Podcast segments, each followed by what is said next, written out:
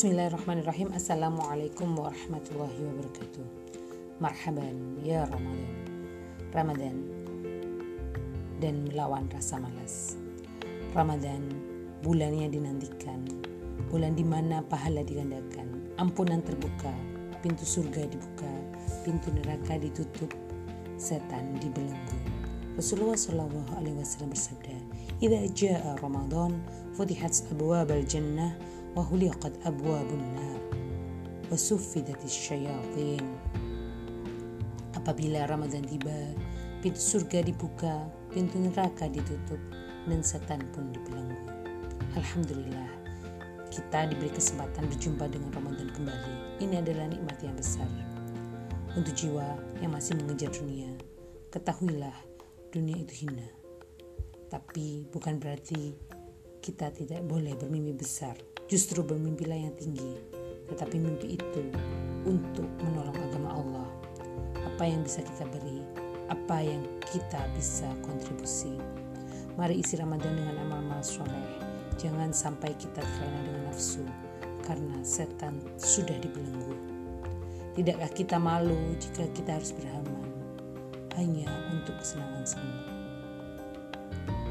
Sudahkah kita menjalani kewajiban-kewajiban yang amanahkan bermimpi yang besar tetapi bukan mimpi untuk egois untuk diri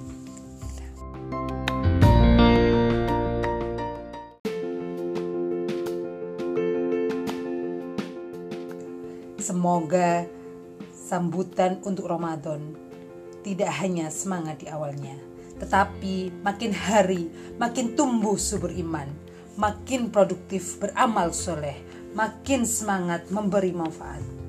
Tunda jika terbesit ingin melakukan hal yang tersia. Rasa malas ini harus kita lawan. Jika terbesit rasa malas dan ingin melakukan hal yang tersia, coba katakan pada diri. Bagaimana kalau nanti saja? Yuk kita baca Al-Quran dulu, yuk kita beramal soleh dulu. Ya, menunda melakukan hal yang tersia adalah salah satu kunci melawan rasa malas setelah menunda dan melakukan hal yang produktif akan membuat kita lebih berenergi. Dan tentunya amal soleh memberi rasa tumak ninah, sebuah ketenangan yang nyaman. Tips yang lain, berdoa meminta perlindungan dari mas, rasa malas. Berdoa dengan Asma'ul Husna. Ya Allah Al-Hadi, yang maha petunjuk. Ya Mujibas Sa'ilin, yang maha pengabul doa. Allahumma Inni a'udzubika minal kasal. Ya Allah, sesungguhnya aku berlindung kepadamu dari rasa malas. Hadis riwayat Bukhari. Yang lainnya, kita bisa mengingat bahwa hidup hanya sebentar dan sementara.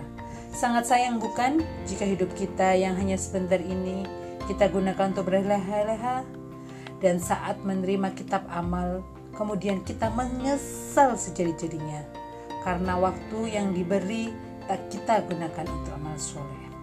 Allah Subhanahu wa taala berfirman, "Qala illa bistum illa qalila law annakum kuntum ta'lamun." Allah berfirman, "Kamu tidak tinggal di bumi melainkan sebentar saja kalau kamu sesungguhnya mengetahui." Quran surat Al-Mu'minun ayat 114. Rasulullah Shallallahu alaihi wasallam bersabda,